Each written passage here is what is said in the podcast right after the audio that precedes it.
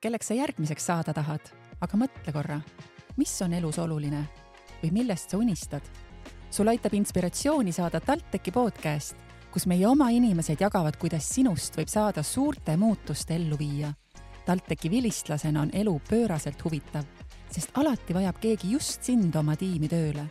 suurte probleemide lahendamine toob ka väärilise töötasu ja mine tea äkki sa ei lähegi kellegi juurde tööle, vaid teed oma äri parimate sõpradega ülikoolist. kui see kõik su silma särama paneb, siis tule meile.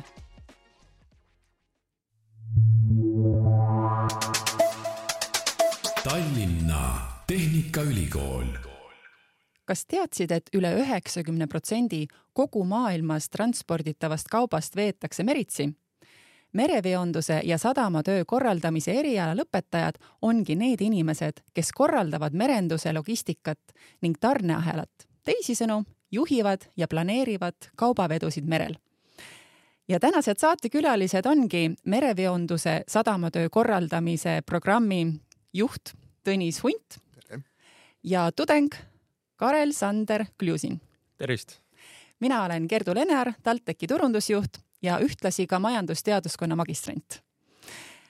alustuseks äh, ma tahaksin kuulda, Karel, kõigepealt sinu käest, sellepärast et äh, sina oled, äh, me enne just rääkisime, kolm aastat tagasi olid sina siis nende noorte nii-öelda kingades, kes siis praegu võib-olla teevad matjaeksameid ja, ja kõike, kõike muud põnevat ja mõtlevad, et mis nüüd edasi jah, ega ma ise olin täpselt samasuguses taakli ees et oli vaja teha see otsus ja minu puhul tuli see pigem läbi isikliku nii-öelda suhtluse.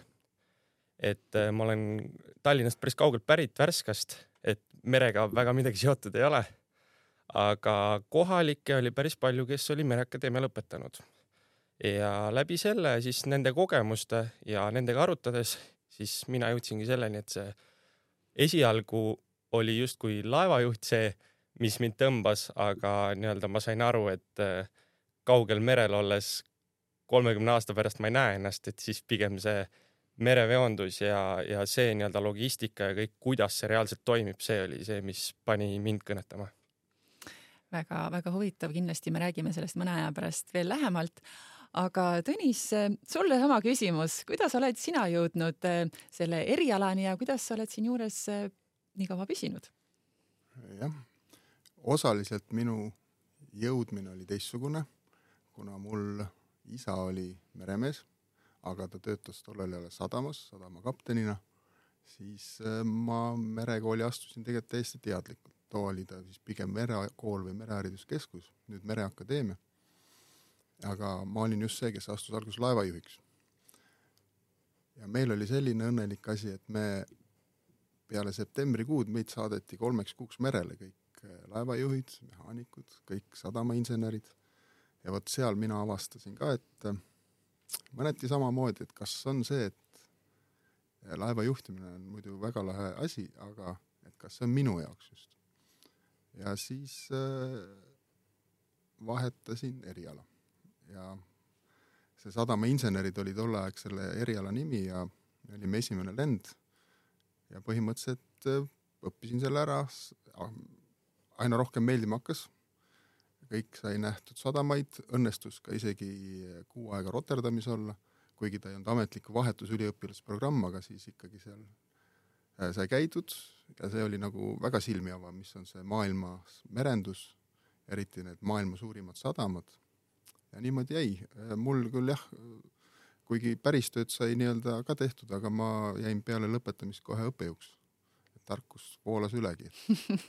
ja siiamaani tuleb välja siis. tundub, et, et leidsid siis õige, õige ala.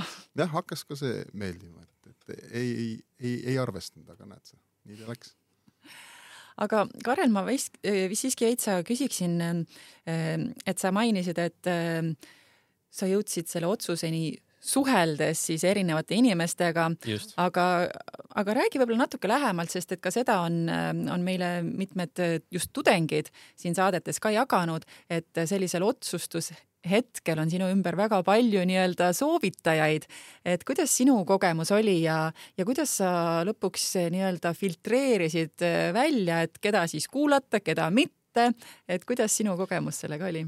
No tegelikult nüüd Tõnist kuulates mul oli täpselt äh, sama teema, et ma läksin algul, astusin laevajuhti sisse. et see kogemus, nii-öelda otsustus tuligi sellest, ma olin ka natuke kahe vahel, kas nii-öelda lennunduse peale minna või mere, merenduse peale minna. ja lõpuks nii-öelda võtsin ka programmid äh, nii-öelda ette tegelikult ja võrdlesin. ja see nii-öelda see praktiline kogemus mängis ka minu jaoks väga suurt rolli, ma ei ole väga selline teoreetiline inimene ja ma nägin, kui palju praktikat selles on, just selles õppekavas. et see oli kindlasti üks määrav osa, miks ma lõpuks selle eriala valisin. et äh, ja ütleme, need isiklikud suhted, mis seal olid või nemad olidki nii-öelda selle laevajuhi teekonna pealt, oskasid rääkida, aga samas mina juba nägin nagu äh, kõrvalt äh, väikses kohas ikka kõik teavad, kuidas keegi elab või noh, ikka kuuled neid lugusid et äh, ma ei tea, et oled kaks nädalat ära või oled kolm kuud ära, et siis mulle tekkiski see, et okei okay,, et minu jaoks on tõesti huvitavam see, kui ma näen nii-öelda tervikpilti, aga ma ikkagi jään kahe jalaga maa peale. et see oli see, mis äh, jah, jäi mulle hinge, et see, kui ma läksin ka algul laevajuhti, mul oli ka lihtsalt see, see, et ma tahan sinna minna ja, ja kui ma sain sellest aru, siis äh, ma sain õnneks sellest väga vara aru eh, enne esimest eh, nii-öelda septembrit, et siis ma juba käisin ja tuhlasin nii-öelda neid TalTechi koridori, et eh, ma soovin eriala vahetada. et siis ma läksingi alles selle mereveonduse peale, et täpselt samamoodi nagu siis nii-öelda Tõnise lugu on, et seda oli praegu huvitav kuulata aga seda, ma arvan, on kindlasti paljudel noortel hea teada, et, et sa nii-öelda ei ole selle otsuse külge naelutatud, et sa tõepoolest äh, saad teha otsuse, aga sa saad ka mõne aja pärast ümber otsustada.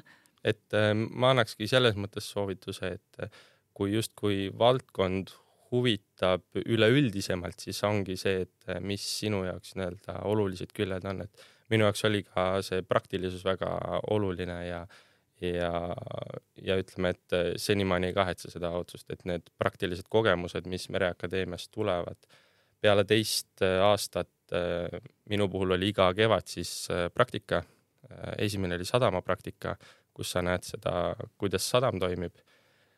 kolmandal aastal tuli siis nii-öelda logistikapraktika, kus siis nägi seda veokorralduse poolt, kuidas see kõik toimib ja nüüd lõpetasin just nii-öelda ta nime all erialapraktika, ehk siis sa ise justkui valid, mis suunda sa võtta tahad. mina sattusin äh, ministeeriumisse praktikale, ehk siis kõik need küljed on ära nähtud ja see toob veel rohkem seda selgust, et, äh, et kas, millisesse nii-öelda sektsiooni sa justkui võiksid kuuluda või millega sa edasi tahad tegeleda, et see annab päris, päris hea selge pildi ette. et sa saad ise omal käel nii-öelda ära katsetada, praktiseerida ja siis selleks, et siis lõpuks jõuda selle õige valdkonnani, siis, siis oledki juba saanud proovida. just, et äh, eks paberil on nagu üks asi, aga reaalne elu ikkagi, nagu me teame kõik, et on väheke teine just nii. Äh, Tõnis, aga järsku sa võiksid natukene avada siis seda eriala, et, äh, et kui nüüd Karel on meil siin kohe varsti-varsti lõpetamas ja kindlasti uurime, et mis mõtted ka temal on peale lõpetamist, aga millised võimalused see avab ja, ja mida see valdkond endast täpsemalt kujutab? avab, ma ütleks, suured võimalused nagu, nagu iga eriala vist nähtavasti. jaa, aga et..., aga kui sa oskad tuua ka mingeid konkreetsemaid näiteid võib-olla laiast pildist siis nagu kitsamaks mhm. minnes mm. -hmm. et äh, nagu siis jah, see eriala tutvustus äh, ütles, et äh, ütleme nii, et kui laevajuhid juhivad laeva, siis äh, meie eriala, nagu me näeksime, korraldab siis seda merevedu, aga seal on nagu väga palju tahke. et äh, kui sa kas siis praktikal olles, aga hiljem ka, sul on võimalus minna näiteks sadamasse, kau-, siis kas siis kaubaveoga või reisijateveoga tegelevasse sadamasse, kaupade ümberlaadimine, sealne kõik see töö. sul on võimalik minna näiteks laevafirmasse, ehk siis äh, kureerida seda laevade tööd, siis jah, peale kolmandat kursust on võib-olla mitte päris logistika, aga niisugune vahenduspraktika, kus siis näed just sedasama, kuidas seda korraldatakse, seal on näiteks ekspedeerijad, kes siis korraldavad nii-öelda kaubavedu nii maal, merel, laevaagendid, kõik selline ja muidugi siis ka selline toet-, toetav tugiüksus, mis on siis kõik see ametkonnad ja kõik sellised. ehk siis sellised merendusspetsiifilised ettevõtted, asutused on see, kus meie lõpetajad saaksid nagu meelsasti tööd. ja mi-, mulle meeldib tegelikult ka öelda, et ta avab selles mõttes laias maailmas just need uksed kas või seeläbi, et merendus on ammu juba globaalne, ammu enne seda, kui see globaal, globaliseerumisest rääkisime ja põhimõtteliselt see, sa võid teha tööd niimoodi, et sa oled siin Eestis, aga korraldad kaubavedu hoopis teistel kontinentidel, sa võid ise töötada välismaal ja korraldada siis kas just mitte Eesti vedu, aga kuskil mujal. ja muidugi ka see Eesti-sisene transpordikorraldus, kuigi siin merevedu on muidugi vähe, ütleme niimoodi. et äh, selles mõttes on ta huvitav, ehk siis äh, sa suht-, sa suhtled, äh, pigem sa suhtled palju välismaaga, ehk siis olulised on seal keeled, see suhtlusvalmidus ja paraku mõnikord tuleb öelda, et ka äh, kellaaeg ei mängi rolli, pead olema valmis mõnikord kakskümmend neli seitse töötama aga see on sul kõik omal valikul ja nagu ma sain aru, siis ja. neid äh, valdkondi on erinevaid, mida sa saad valida. Karel, sina oled äh, loodetavasti siis äh, varsti juba mm, lõpetamas, aga, aga jaga natukene oma tudengielu, et kuidas, kuidas siis sellega lood on olnud, kas oli see, mis sa arvasid, lootsid? ja tudengielu, eks sellega on täpselt nii, et kui sa ise soovid, siis sa saad väga paljudest asjadest osa ja ja mis ülikooli puhul veel nii-öelda minu jaoks oluline on, on ikkagi need äh, inimsuhted ja kontaktid et ja tudengielu on kindlasti selleks väga-väga hea alus. ja tudengielu, kuna ma ise nii-öelda olen ja sattusin paar aastat tagasi ka üliõpilaskogu juhatusse, et siis äh, see on ka nii-öelda olnud minuga kaasas ja, ja see tudengielu on olnud huvitav, kuigi me sattusime sinna Covidi aega ka, mm. mis oli sihuke kodune asi. aga, aga ülejäänud nii-öelda hiljem, et see toob nagu, annabki uusi kontakte ja eks see on see ülikooli üks ka väga suur osa, et kuidas nii-öelda lõpuni edukalt eh, sadamasse jõuda väga tabavalt öeldud. Äh, Tõnis, ma küsiksin sinu käest äh, seda, et kas sa võiksid natukene võib-olla lähemalt rääkida siis sellest äh, valdkonnast üleüldiselt, et meretranspordis siis täna ja tulevikus, et, et milliseid suuri probleeme või muresid näiteks aitaks ka selle eriala lõpetanu lahendada? Mis ta praegu tulevikus on, üks põhiteema on, kui nii võtta, ikkagi on keskkond. et äh, laevad on harjunud kasutama pikka aega sellist äh, ütleme nii, keskkonna reostavat kütust.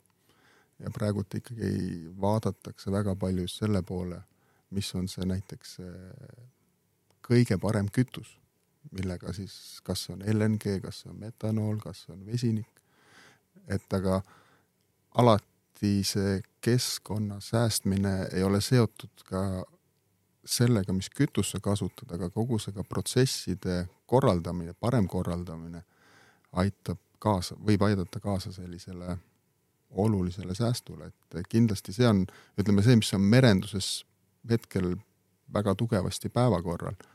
Äh, kindlasti järgmine teema on äh, kõik igasugused äh, IKT teemad, ütleme siis digitaliseerimine, et sa enam ei tooda teatud kasvõi prahilepingud enam paberil, need on digitaalselt. tundub võib-olla, et mis see siis ära ei ole, aga siin vaadates, kuulates nii-öelda suuremaid praktikuid merenduses, siis ikkagi öeldakse, et merendus on teatud valdkondades olnud väga konservatiivne. ehk siis pikka aega lihtsalt näiteks ei usaldatud digitaalseid neid samu dokumente näiteks, et ikka oli vaja paberil teha. Ehk siis see tahk on uute nende lahenduste juures, kindlasti automatiseerimine, et äh, kui me räägime mere peal, siis räägitakse sellest nii-öelda nendest autonoomsetest laevadest, ilma meeskonnata laevadest. Mm,.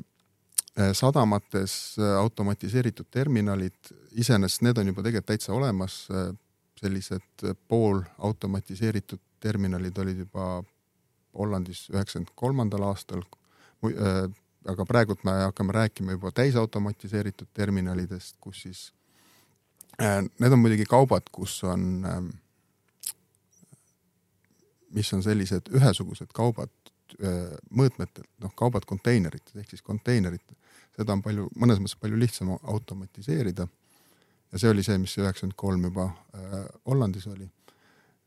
et aga kõike seda on ja see on see teema, millega siis praegu tegeletakse. et ja kui vaadates laiemalt, et tegelikult konteinerid, kaubad, kõik, mida me kasutame praktiliselt äh, mingil kujul, mingil hetkel võivad seal konteineris olla, ehk siis see on selline oluline teema, ütleme automatiseerimine, digitaliseerimine, keskkonnateema.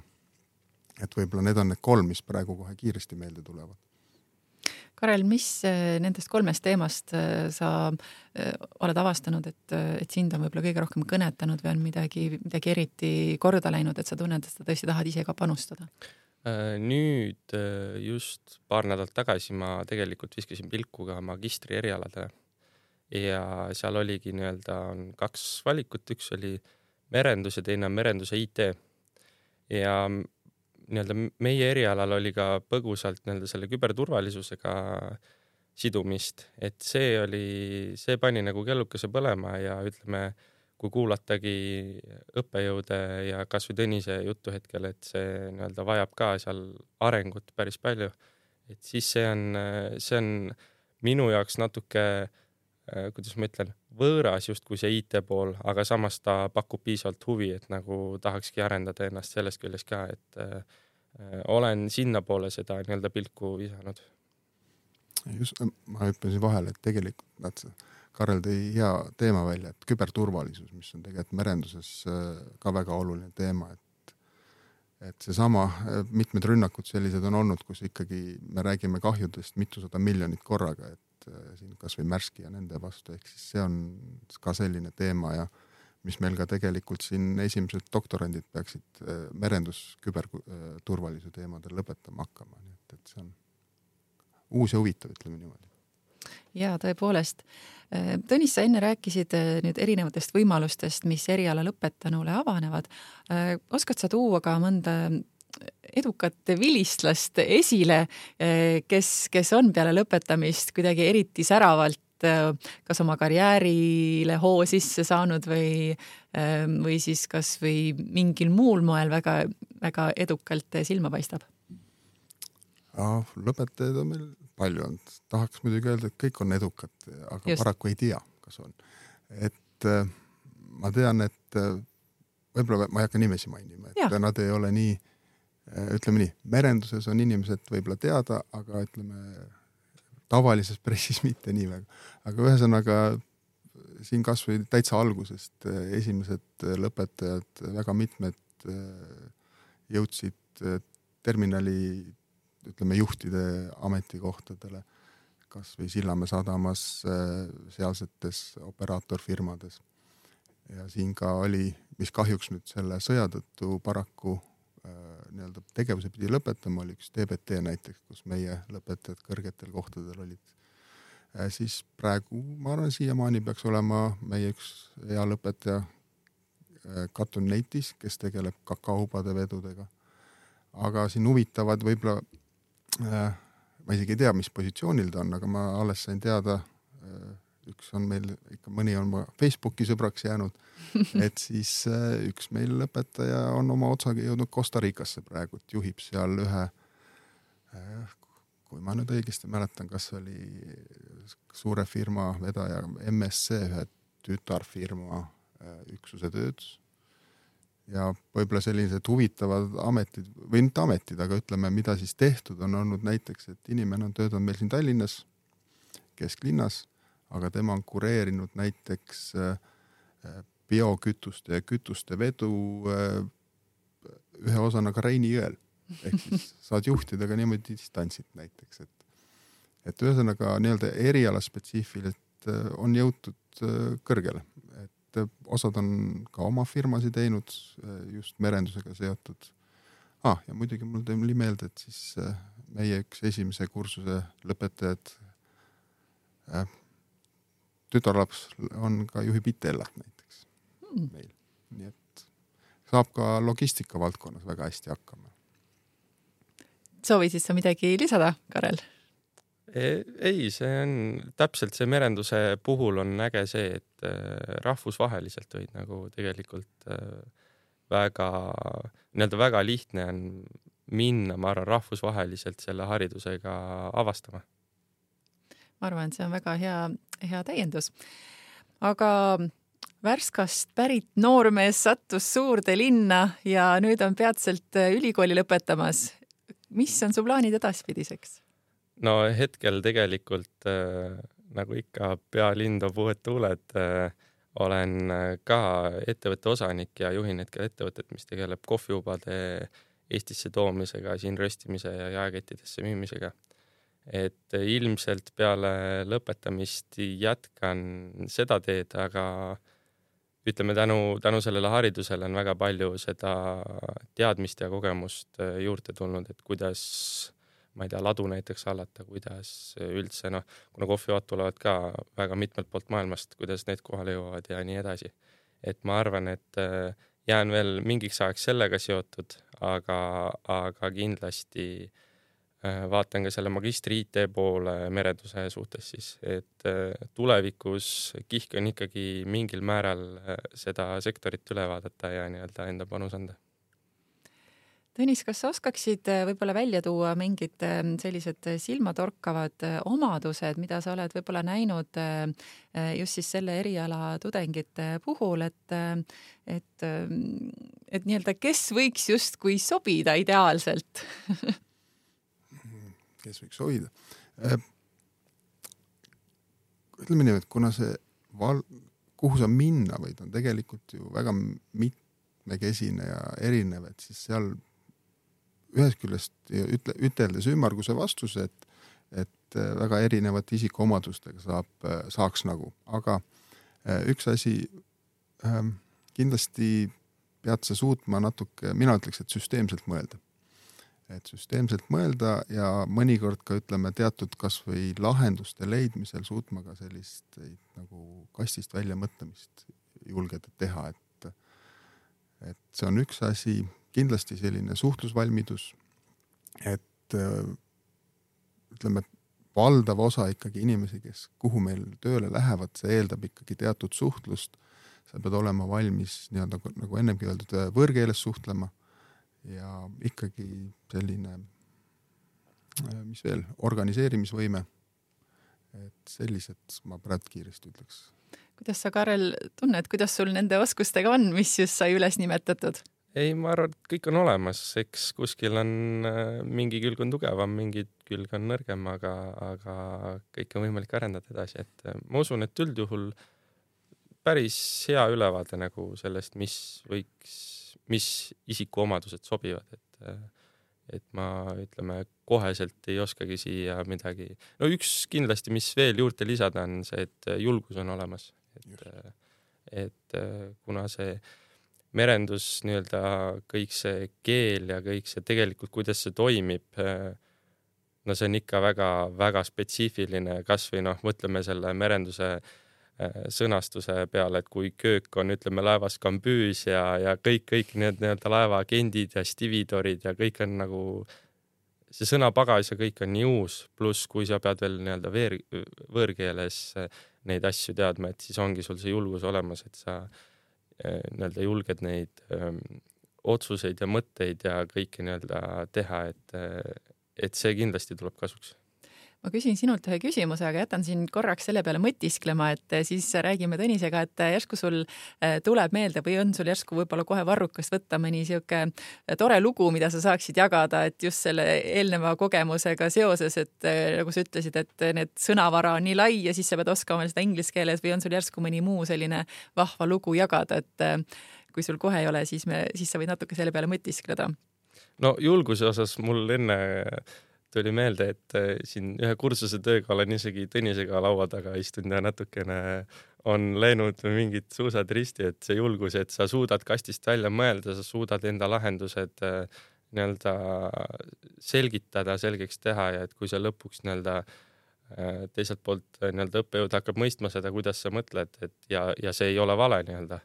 et on olnud selliseid lugusid ja, ja kindlasti, mis vanemad õppejõud äh, on öelnud, ütleme, targad sõnad, et äh, meri toob alati leiva lauale. et äh, see on ka selline äh, huvitav, huvitav ja kindlasti väga noh, tark ütlus, nagu me tuli siin sissejuhatuses et, et üheksakümmend protsenti liigub meritsi, et siis äh, praktiliselt kõik, kui me vaatame enda ümber, on üle mere tulnud, et siis äh, ilmselge on see, et töö otsa seal ei lõpe ja et äh, ütleksin äh, juurde seda, et tõepoolest äh, julgus veel välja öelda seda, mida sa tegelikult mõtled ja veel oma õppejõule, et, et seda tõesti on, see on oskus, mida, mida igaüks tegelikult peaks endas arendama, aga kuidas need suusad on nüüd, ma vaatan, sõidavad otse, istute siin laua taga sõbralikult jälle ei, ma arvan, et see suusad ristis ei olnud, ma ei, ma ei mäleta seda, et meil oleks niimoodi. lihtsalt eh, on jah, üks selline ülesanne, mida on mul lahendada peale, et ütleme, ma eeldan ühte lahendust, aga kui tudeng tuleb teisega ja suudab selle ära põhjendada, siis ma ei näe selles kunagi probleemi. et eh, jah, selline just seesama, et eh, ühele ja samale, kuidas öelda, ülesandele võivad sul ikkagi erinevad ja väga erinevad lahendused olla. et see ilmestab sellist ka seda eriala teatud mõttes niimoodi rõõmsalt. ja mul ongi lõpetuseks teile mõlemale veel üks küsimus. Äh, Tõnis, sinu käest küsiksin seda, et ähm, kui me oleme nüüd rääkinud äh, erialast, me oleme rääkinud nendest võimalustest, mis avanevad eriala lõpetanutele, me oleme ka puudutanud suuremaid ühiskondlikke probleeme, mida, mida see eriala aitab lahendada kas on midagi veel, mida sa, mida sa tunned, et on hästi oluline, et sa tahaksid lisada? ma pean nüüd mõtlema, et siin palju sai räägitud, et hästi oluline. et võib-olla see, et kui, kui me räägime tegelikult sisseastumisest, et äh, tudeng enn-, tudengikandidaat, enne kui ta sisse astub äh,, mõtleks tegelikult hästi järgi et täitsa arusaadav on see, et tudeng, tudengikandidaat alguses võib-olla ei tea, mida ta, mis teda huvitab ja et mida ta teha tahab. aga kui see võib-olla enne sisseastumist see otsus on tehtud, et siis mina näeksin hea meelega, et tullakse, tullakse õppima, tahetakse õppida. ja kui ei tunta, et see on see õige eriala, et siis võib-olla püütakse midagi uus otsida, aga et ei jäeta seda õpingut pooleli. et siin nüüd kõige kurvem minu jaoks on see vaadata, kui tudengid, on siis tudengid hakkavad õppima, esimene kursus, esimesed päevad ja ütleme, ma loodan, et see nüüd ei ole minu tõttu, aga et äh, ma arvan, et see ei ole minu tõttu, aga et siis kuna mul üks aine esimesel kursusel, aga et siis kui võib-olla niisugune poole semestri pealt juba osadel see sära kaob, siis kaob, siis kaovad nad ise ära ja vot seda on tegelikult kurb vaadata, et et oleme jah püüdnud seda uurida, et miks siis, miks siis ära minnakse, aga paraku me ei saa enam kadunud või noh, ära läinud tudengitelt vastuseid, ehk siis selline algselt järgi mõtlemine, kas suudetakse, sest sageli võib-olla me teeme ka, oleme intervjuusid alguses sisseastumisel teinud, et võib-olla sageli tudengid on või kandidaadid jälle on võib-olla liiga optimistlikud, et nad on äh, särtsu täis, mis on siis tore näha, aga võib-olla siis ollakse liiga teatud äh, optimistlikud, võib-olla, et ma ei tea, kas tahetakse kindlasti kuhugi sisse saada või midagi sellist, ehk siis see alguses enesesse süüvimine ja järgi mõtlemine on minu arust see, mida võiks välja tuua praegu mm. -hmm see on kindlasti väga mõtlemapanev soovitus. Äh, ja Karel, kuidas sa lükkaksid selle Tõnise hirmu ümber, et tema, tema tema loengu pärast siis inimesed ei, ei, ümber seda, mõtlevad? seda kindlasti ei usu, et pigem, pigem, mis just mina näen vastupidi Tõnisele, on see, et see eriala, kuna ta tegelikult noh, on nii laia, laiahaardeline, et kindlasti selles erialas on midagi, mida sa enda jaoks leiad. Et isegi kui ütleme, ongi algul mingid rasked on seal need kõrgemad matemaatikad, füüsikad, mis võivad justkui hirmutada, aga tegelikult noh, ei ole nii rasked, kui sa aega pühendad, siis just see võlus ka mind, et täpselt, et kas sa saad olla sadamas, kas sa saad olla kuskil vahendusettevõttes, sul on võimalus riigi taseme, tasandil midagi kaasa öelda, et, et need võimal- või üldse rahvusvaheliselt kuhugi minna, et tegelikult see äh, võimalus on lihtsalt äh, nii suur ja, ja see, see on see, mis äkki mind on nii-öelda, kui isegi mul on tulnud pähe mingid sellised mõtted, et on nagu pannud mõtlema, et okei okay,, et äh, et selle eria, eriala puhul see mind köidabki, et see, just see laiahaardelisus, et, et mitte karta ja, ja panna nii-öelda edasi selle kohta äh, ongi selline tore ütlus, et äh, kui sa tead, mis on sinu miks, siis sa leiad selle, kuidas selleni jõuda, ehk siis saad üle nendest äh, takistustest. suur aitäh, et te võtsite selle aja ja tulite, jagasite oma kogemust ja oma soovitusi. ja kui midagi hetkel rohkem lisada ei ole, siis, siis lihtsalt kui sa tänast saadet kuulasid ja, ja see teema ja valdkond ja eriala hakkas äh, sind huvitama, siis äh, vaata saate kirjeldust ja sealsamas on link, kus sa saad juba kõike lähemalt äh, lugeda. aitäh! aitäh teile! ja kõike edu!